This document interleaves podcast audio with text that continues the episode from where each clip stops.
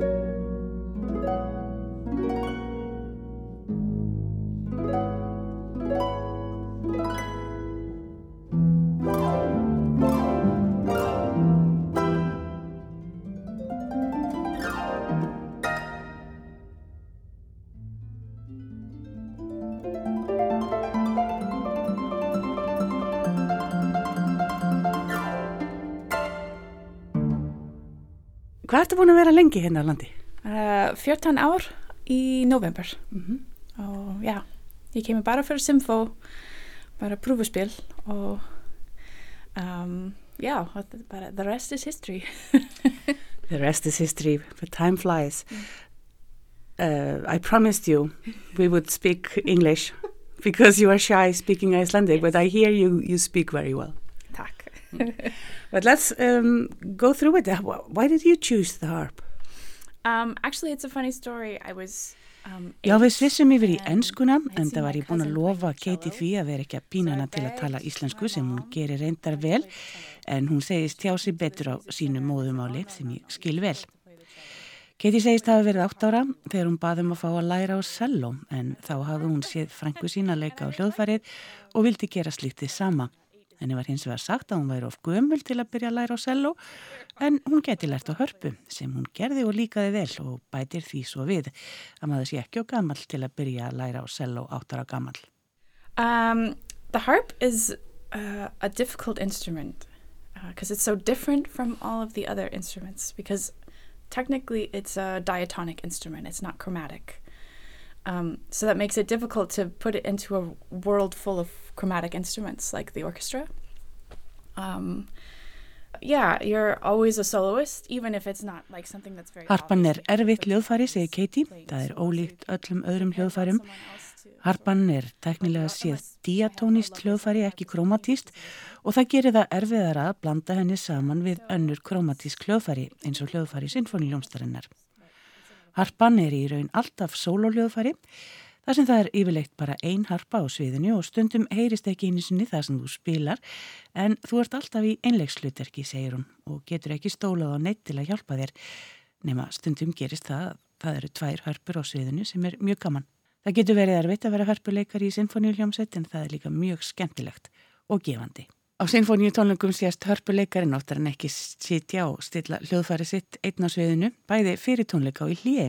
So, um, there are 47 strings. All of them have to be tuned. The majority of them are uh, made from animal gut, which is very sensitive to temperature. So anytime there's a temperature change, somebody opens a door, um, it gets colder, it gets more humid, it gets more, you know, all these things affect the temperature on the harp.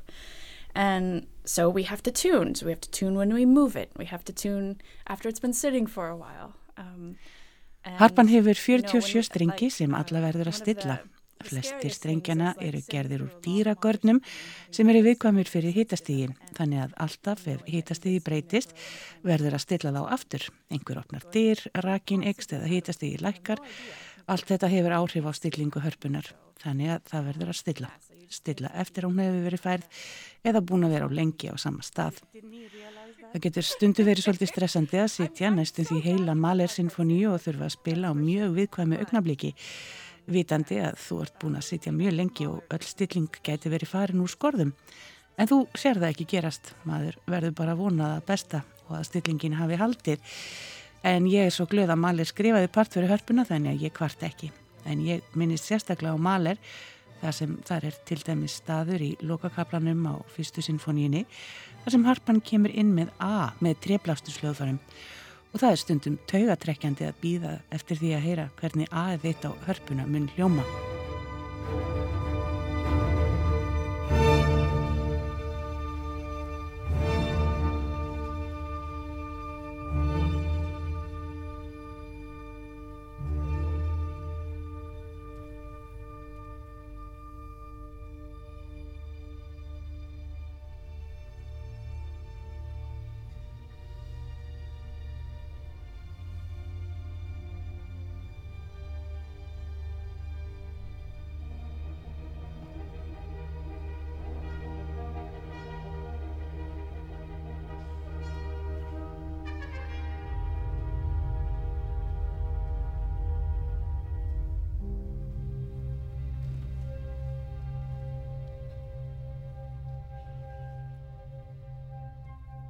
There are steel strung harps. It sounds incredibly different. And also, there's a tension issue um, because the majority of the harp is made of wood. Whereas, like the piano, for instance, there's a lot of, you know, heavy duty uh, steel holding it together. Well, that's not the case in the harp. So, steel strings would uh, put too much tension on the wood. Það eru til stálstrengjahörpur en það er hljóma allt öðruvísi. Harpan er að mestu úr viði og því er erfitt að hafa í þeim stálstrengi þar sem þá myndast svo mikil spenna í viðnum.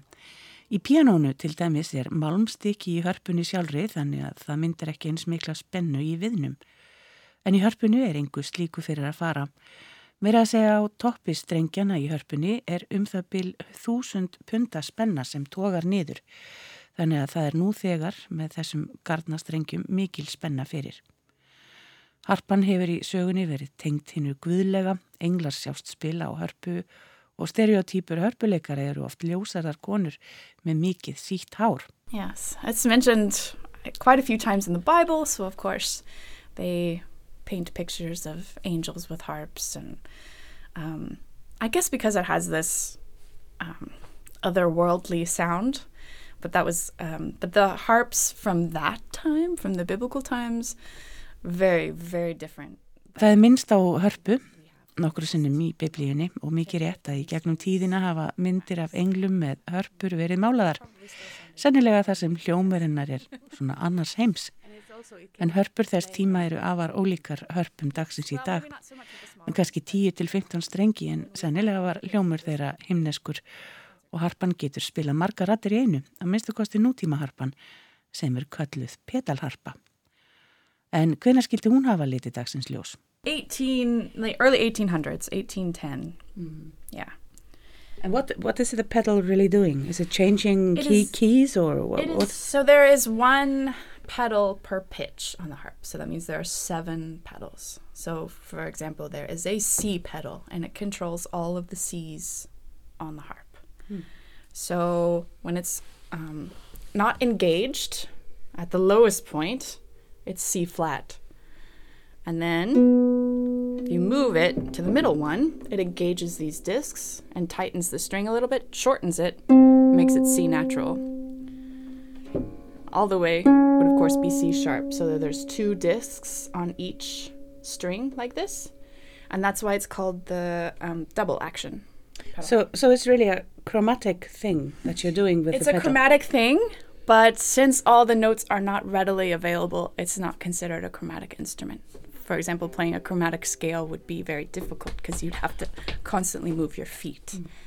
like crazy. So it's yeah, technically not a chromatic instrument, but it has chromatic capabilities and it has capabilities that other instruments do not like the ability to play strange combinations. Mm-hmm. Like we have an actual F flat, which is not the same as our E natural. But then we can also have an E sharp and an F flat at the same time. So the E, the E string actually is higher than the F string, which is a very strange thing for an instrument. Whereas on the piano, those notes like uh, F flat and E natural would be the same. Same, yeah. yeah it's not on the Mjög snemma á 19. öld, segir Katie, það er einn petal fyrir hverja nótu á hljóðfærinu, þannig að það eru sjö petalar. Til dæmis sé-petal sem stýrir öllum séum á hörpunni. Ef engin petal er notaður þá hljómar séð sem sés, með annari stillingu á petal strekkist strengurinn og þá hljómar sé og í þriðju stillingu hljómar sís. Þannig að með petalnum verður harpan kromatísk og getur spilað alla nótur þar sem þær eru ekki til staðar án petalsins telst hún ekki kromatísk. Til dæmis að spila kromatískan skala er mjög erfitt þar sem fæturnir verða að vera á stöður í reyfingu. Þannig að tæknilega séðir harpan ekki kromatísk en getur verið það og spila með öðrum hljóðfærum. Og svo getur harpan líka gert það sem sem önnur hljóðfæri get ekki eins og til dæmis að spila óvanlega samsetningar. Harpan hefur fes streng sem hljómar ekki eins og til dæmis E á píanóið. Þá er þetta samanótan en á harpun er munur á. Og svo er hægt að spila eis og fes. Harpan er einstök og því hljómsveitar upptalningu eru við þar með píanónu og slagverkinu. En hvað segir Katie um þessa stereotypu sem spilar á hörpuna sem ég myndist á hér aðan? Yes, I don't know where that stereotype started to be honest. Um, But it's really funny because my first harp teacher, she had really short hair. And I remember, and this was in the 80s, that she would go to gigs and people would be like, Where's the harpist? Mm. Because she didn't have long hair. And I remember her saying this, which is so funny. Because um, there's nothing in our like harp handbook. that says we have to have long hair. um, but yeah, I don't know where that came from, to be honest. Ég verða að segja ég veit ekki hvar svo góðsögn hóst. Minn fyrsti kennari var með mjög stutt hár. Þetta var á nýjunda áratögnum og þegar hún kom á tónleikastadi til að spila velti fólk fyrir sér hvar hörpuleikarin eiginlega væri þar sem hún var ekki með sítt hár. Ég man eftir því að hún saði mér þetta. Þetta er mjög fyndið því það er ekkert í hörpu handbókin okkar sem segir okkur að skilt sé að hafa sítt hár. Og harpan var gerð fyrir karlmenn eins og flestu hljóðfæri tónlistasögunar. Meira að segja, allt fram til 20. aldar var hún mjög karlmannlegt hljóðfæri. Þetta er stórt hljóðfæri en það eru margar konur smávaksnar líkt og ég sem spilum á það. Hljóðfæri sjálft er 40 kíló og ég með sérstakann vagn sem ég get sett það á til að ferðast á milli. Þessi harpa sem er fyrir fram á nokkur er nýkomin frá New York þar sem ég var að spila með Björk. En sennilega er þetta allt saman komið frá Hollywood. Ég man eftir myndum af hópi sem kallaði sig Angel Airs. Þær voru allar í litrikum kjólum með mikið hár og spilið og harpur. Og þegar ég minnist á að hún hafa nú sjálf verið með sítt hár þegar hún kom hingað, fyrst lær hún bara. En þá ræðu við um tónlistina sem skrifið hefur verið fyrir hörpuna, sem sagt petalhörpuna. Okay, well this harp being from 1800, there's you know, uh, the repertoire is quite late compared to other instruments. So we have a lot of transcriptions of stuff. Um, and, you know, we do have some earlier stuff like Mozart wrote the harp and flute concerto, but that was for a different instrument. It was for the single action pedal harp. So you could only change one step. As this one has two steps on every string, mm-hmm. you could only change one step on every string. Um, and the tension was so much lighter on it. So, like playing Mozart on this harp is actually very difficult because it was meant for a much lighter tension instrument, which means you could um, play a lot faster because the strings weren't as hard to pull as it is on this mm-hmm. one. So, we have like the Mozart Flute and Harp Concerto, of course. And then there isn't anything much for a long time. A lot of people are writing for the single action harp, so we have like Louis Bohr. Um, Mozart samti konsert sinn fyrir flautu og hörpu, segi Katie, og það var fyrir einfalda petalhörpu, þannig að það voru bara tvær stillingar, ekki þrjár eins og þessari. Og á hans hörpu var spennan ekki eins mikil, þannig að spila Mozart konsertin á þessu hörpu getur verið taldi erfitt. Það var hægt að spila munraðar á hérna einföldu hörpu en þessa. Og svo kemur langt tímabill þar sem ekkert er samið flestir að semja fyrir þessa einföldu petalhörpu eins og Louise Bohr sem mér finnst reyndar ekki mjög spennandi. En konan hans var hörpuleikari og hún spilaði á þessa einföldu petalhörpu og hún lítur að hafa verið mjög fær hörpuleikari. Þau ferðuðu saman og komu fram en svo fór að Spór vildi að hún lærði á nýju hörpuna sem sagt tvöföldu petalhörpuna eins og ég er með hér. En hún bara gata ekki og fekk einhvers konar tauga áfall og ég áfallist hana ekki fyrir það. Því það sem hann skrifaði fyrir einföldu petalhörpuna er alveg svakalega erfitt að spila og ég ímynda mér hvað hann hefði geta gert fyrir tvöföldu petalhörpuna.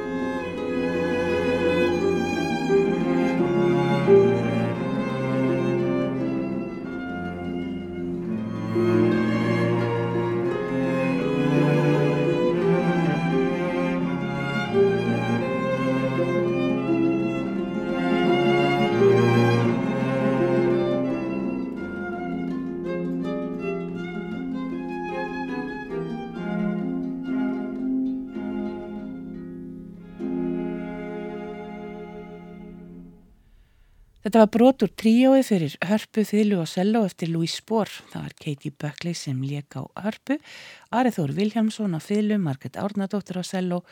Þetta var hljóðritað á Kristalkammer tónleikaröðu sinfoniljóstarinnar árið 2008. En áfram höldu við. So uh, Spohr, that's classical. Yeah. Um, And there's not much. uh, Beethoven, no. none.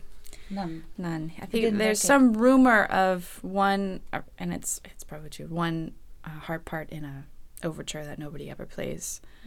Um, but it wasn't really until Berlioz and Symphonie Fantastique that we introduced the harp into the orchestra, and that's in the the second movement. Beethoven Symphonie samt ekkert fyrir hörpu, segir Katie, en það er einhver orðrómur um að hann hafi samið hörpuparti í einum forleik sem enginn spilar.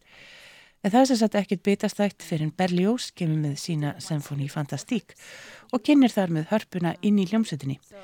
Það er í öðrum þætti, valsinum, þar sem eru tvær hörpur, en þetta átti upprunulega að vera heil hörpu sveit með átta hörpum.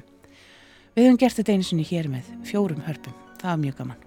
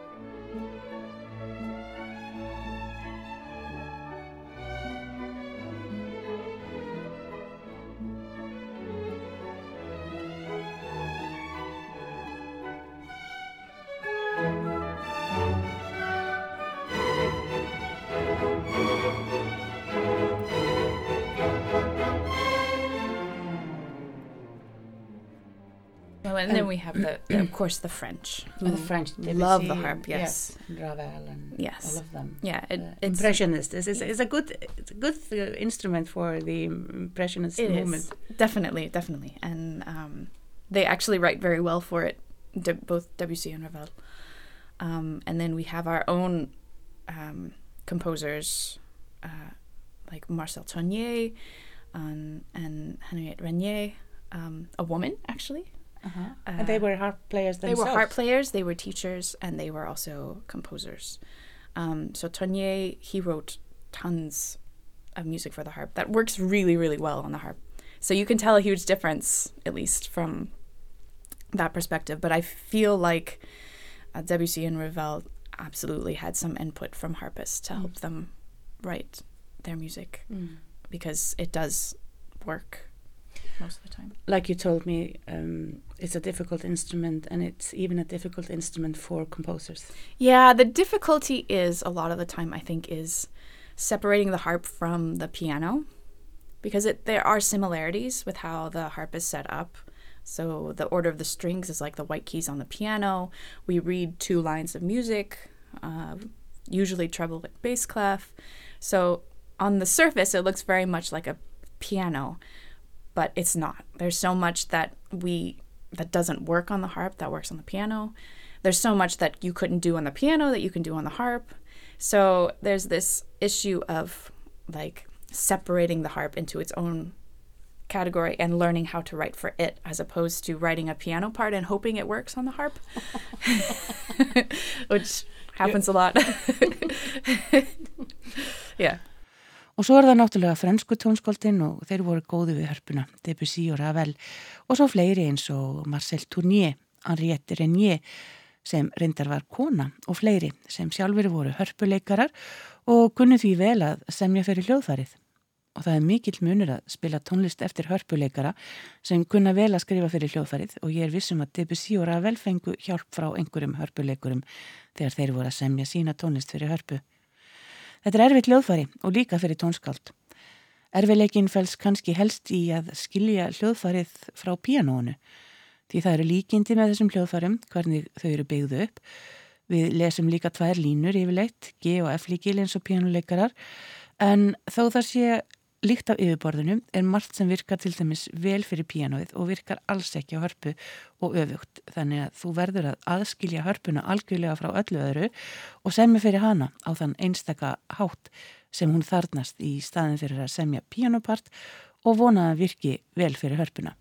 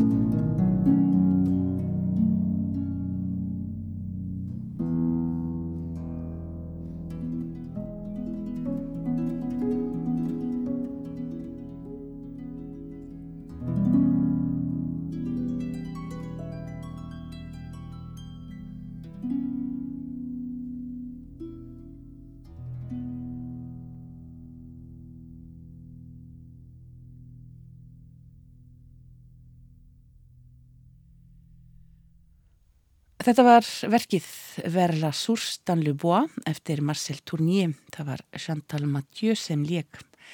En Katie Buckley stofnaði duo Harpverk með Frank Arnek slagversleikara fyrir 11-12 árum síðan.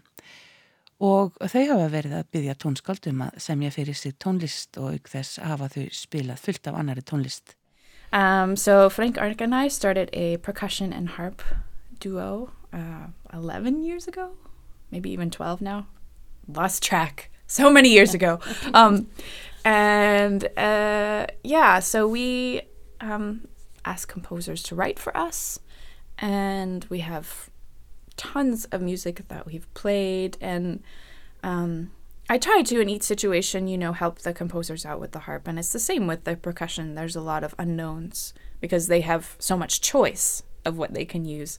And it's the same also with the harp. There's so much unknowns for the composers about it like what can you actually do, what can you not do. So, um, yeah. So there must be a, a big dialogue between you and the composer. yeah, exactly. And trying to make changes for stuff that works. Katie segir, ég hef reynd að vera til staðar fyrir tónskóldin og aðstofa þau eftir fremsta megni og það sama með Frank og slagverkið því þar er ógrinni af hljóðfærum að velja úr. Eins með hörpuna, það er svo margt sem fólk gerir sér ekki grein fyrir og þekkir ekki nógu vel. Hvað harpan getur og getur ekki og jáfnvel það að skipta nótum á blað þannig að flettingar gangi upp. Hörpuleikarin hefur bara vinstri hendina til að fletta því harpan er í fangin á þeim. Nú nota ég iPad að mestu leiti og hef bætt við petal á hörpuna til þess að íta á hann og fletta. En ég spyr þá Katie hvað henni finnist skemmtilegast að spila og hvar séu hennar styrkleikar. Ég veit að þetta er og spurning fyrir. I don't know anymore. I mean, I think like five or six years ago, I would have said, oh, yeah, new music. And I still feel that to some extent, but also then I realized, okay, I've played a lot of orchestra stuff being here 14 years, and I've been playing in orchestra since I was 12. So I've played a lot over um, that time period. So I'm pretty okay at orchestra, I guess. I would say, you know, I think the one thing um, also about living in Iceland that I like the most is the chance to do everything. Um, so recording and playing in the orchestra and playing new music and chamber music and I don't feel like I have to be oh I'm a new music harpist kind of thing. I like being able to Sko, ef þú hefði spurt mig fyrir fimm eða sex árum hefði ég sagt ný músik, en núna veit ég ekki. Ég er búin að spila ógrinni af hljómsveitarmúsik og ég hef spilað hljómsveitartónlist síðan ég var 12 ára, þannig að ég er orðin ágætt í því. En það sem mér finnst bestið að búa hér og starfa eru að hér eru svo fáir hörpuleikarar að ég fæ tækifæri til að gera alls konar hluti. Hljóðreita, spila í hljómsveit, spila nýja tónlist, kammertónlist. Mér finnst ég ekki þurfa að sérhæfa mig í einu eða einu, en ég get gert allt og það hendar mér vel. Og þá snúum við talinu aftur að hljóðfærinu sjálfu. So the lowest string is a um, so here's middle C. We use that as our guide. That's a red string. yes, all of the C's are red strings. Oh, okay. That's our guide. That's your guide. Yes, and all of the black ones are F strings. So we have red and black. So yeah, uh, we have three uh, octaves below C. Um, this I'm not quite sure this is a C at the moment. so this one, these last two are kind of special. You can see that they uh, don't have the changing. Yes. They can't be changed. So they, it cannot get lower than this. Well, it can get lower. You can tune it lower. Oh, okay. Um, at some point, of course, it's going to be too low to make any sound because there's not going to be enough tension on it. But it can go to a B, maybe a B flat. Okay. Um, but technically, it's a C. And the highest one?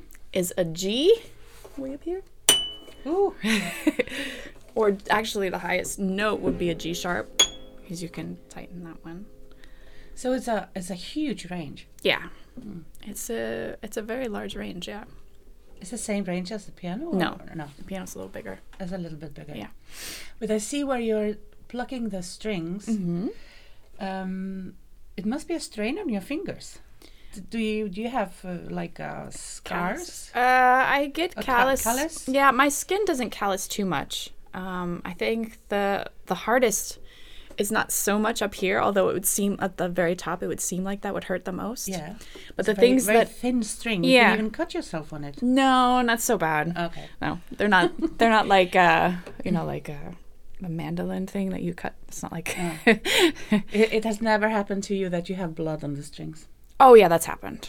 Yeah, but that's mostly from like uh, not from cutting the fingers open. That's from like uh, dry skin around the nails and the um, harp hitting it and pulling that skin back, stuff like that.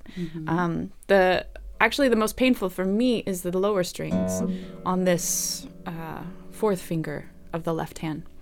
Um, these sort of start to because they're um, wire, and they sort of, and it requires a lot more um, strength to pull these strings. So I tend to get blisters on that string, and then also the like iconic harp sound of like if you have to do that a lot Yeah. that gets really painful and loud. So like when we do in the orchestra like John Williams, he has of course just tons of this kind of stuff, you know, like movie any movie music has tons of it. Um, then you can get blisters and so we normally use like plectrum. Hér er miðsé, öll sé eru rauðir strengir. Við notum það svona sem viðmið þegar við leikum og allir svörtu strengirnir eru F-strengir. Við erum með sé þremur áttundum neðar en miðsé. Það er dýfsta nótan en það er hægt að lækka nótuna niður aðeins. Og hæsta nótan er gís. Þetta er því stórt tónsvið þó ekki einn stórt og píanóið. Ég spyr þá Katie hvort hún sé með sigg á puttunum eftir að hafa plokkað alla þessa strengi og hvort hún hafi einhver tíman skorið sig á þeim. En hún svara neytandi. Ekki svo mikið sigg og bara blóð á strengjum eftir að hafa hruplað naglaböndin. Það er sem sagt sársöka fylst. Það sem er sársöka fylst er þetta hér á lagra reikisteri með fjórða fingri. Þetta eru stálstrengir og ég fæst undum blöðrur eftir það. En það erfiðast er kannski hinn típiski hörpu hljómur. Ef það þarf að gera mikið af honum, getur það verið sárt. Þetta kemur svona fyrir í kvikmyndatónlist og John Williams elskar þetta. Og þegar það er á efnisgrá, nota ég gítarneglur. Yeah, well, we we only use eight fingers on the harp, which is one big difference. Don't use your pinky. Oh, you don't use your pinky, I Yes, the littlest finger, because it's too short with the way that we hold the strings. It's it actually can't reach anything. Like it's not. That's true. Yeah. Ah. so that's why we use eight fingers instead of ten. And how many voices can you do at one time? Uh, three. You can do you can do some low stuff and have voices in like in within stuff going and then have a lower voice. But you like still- a like a or- or- organ, yeah, a little bit. sort of like sounding organ Yeah. point, Right. and then play or over Yeah, it. yeah. But that's that's difficult. I'm not suggesting that to any composers that are listening. I hope somebody is listening. no, one of the um, so in in America we had two major sort of harp teams. I guess you could say it's a little bit embarrassing. It's not so much split anymore, but there was uh, Marcel Grangenet and Carlos Salcedo, and they were both really big teachers in the you know Við notum bara fjóra fingur, hvarar handar til að spila. Við notum ekki litla fingur, hann bara næri ekki neitt. Og við getum spila þrjá rattir í einu. Við getum haft orgelpunkt og tvær rattir ofan á hann. En það er erfitt og ég er ekki að stinga upp á því við neitt tónskald. Í bandaríkjónum skiptust hörpuleikar á tímabili í tvö lið.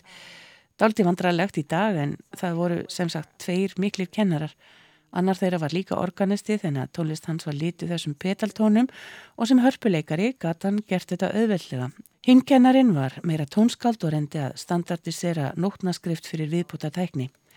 Þetta voru tveir öndverðir pólar og þeir kendu á mjög mismunandi hátt en voru samt báðir afsprengi franska skólans. En þetta var á síðustöld, margt hefur breyst.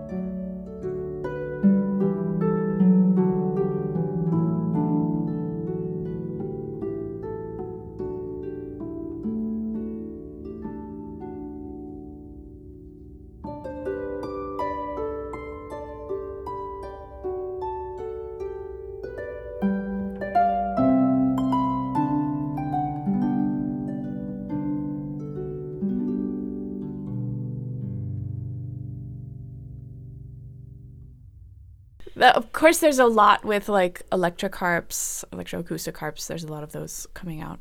Um, there is one harp that I dread to mention because both my colleague Elizabeth and I were like, we, we can't play it, but it has two more strings lower.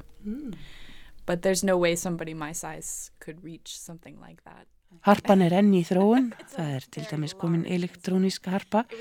Ég vil helst ekki nefna eina nýja hörpu sem hefur komið fram því hvorki ég, nýja kollegi minn Elisabeth Vói getum spilað á hana en hún hefur tvo auka strengi í neðra registreri og það er ekki séns að ég nái þangað. Ég er bara ekki með nógu langa handleggi. En hún var smíðuð fyrir mjög hávaksin hollenskan hörpuleikara. Ég hef ekki heyrt í þessu hljóðfæri og átta mig ekki alveg á því hvað þið fengi með því að bæta við tveimur djúpum strengjum. All of my mouth was kissing him. Now into the air I am missing him. Is this access texting? Katie myndist á það hér í fyrir viðtalinu að hún var nýkomin heim frá New York þar sem hún var að spila á kornokópju tónlökum Bjarkar Gummundsdóttur og hún segir Uh, it was really fun. Um, I mean, it's fun to go from orchestral life to be a sort of like Pop star pop star, or at least be on stage with a pop star in a costume in a costume. Yeah, with hair and beautiful uh, uh, masks, and yeah, that was. I mean, that's something you don't get to do every day. Yeah. So it's a lot of fun. Um, yeah, and a nice change of pace from the norm. It's always. I think it's always good to sort of change your Það var bara gaman. Tilbreyting frá hljómsveitarlífinu að fara á hlutverki hljómsveitar hljóðfærarleikarans og fara á svið með popstjörnu. Það var skemmtilegt í búningi með fallega grímur. Það er eitthvað sem maður fær ekki að gera á hverjum degi og það er gott að fá tilbreytingu. Í næsta mánuði fer ég til Danmörkur þar sem ég ætla að spila mikið af franskri tónlist og líka tónlist eftir Per Nørgaard. En Katie er gift danska tónskaldinu Jesper Pedersen og eiga þau eitt svon, Anders, sem nú talar þrjú tungumál. Hann er þegar farin að þrýsta á mömmu sína að tala meiri íslensku og um leið og ég þakka henni fyrir þessa fræðslu um hitt fallega hljóðfæri hörpuna tek ég af henni lovorð um að næsta viðtal sem ég eigi við hana verði á íslensku. Við endum þáttin á verki eftir eiginmann Keitjar Jesper Pedersen sem hann samti fyrir dúa harpverk Present Times 3. Þannig til næst hafa það sem allra best. Verði sæl. So I'm happy that that I have that now. So, Katie, thank you so much. Next interview, you promise me we will speak Icelandic. okay, I promise. In 10 years. No. Thank you.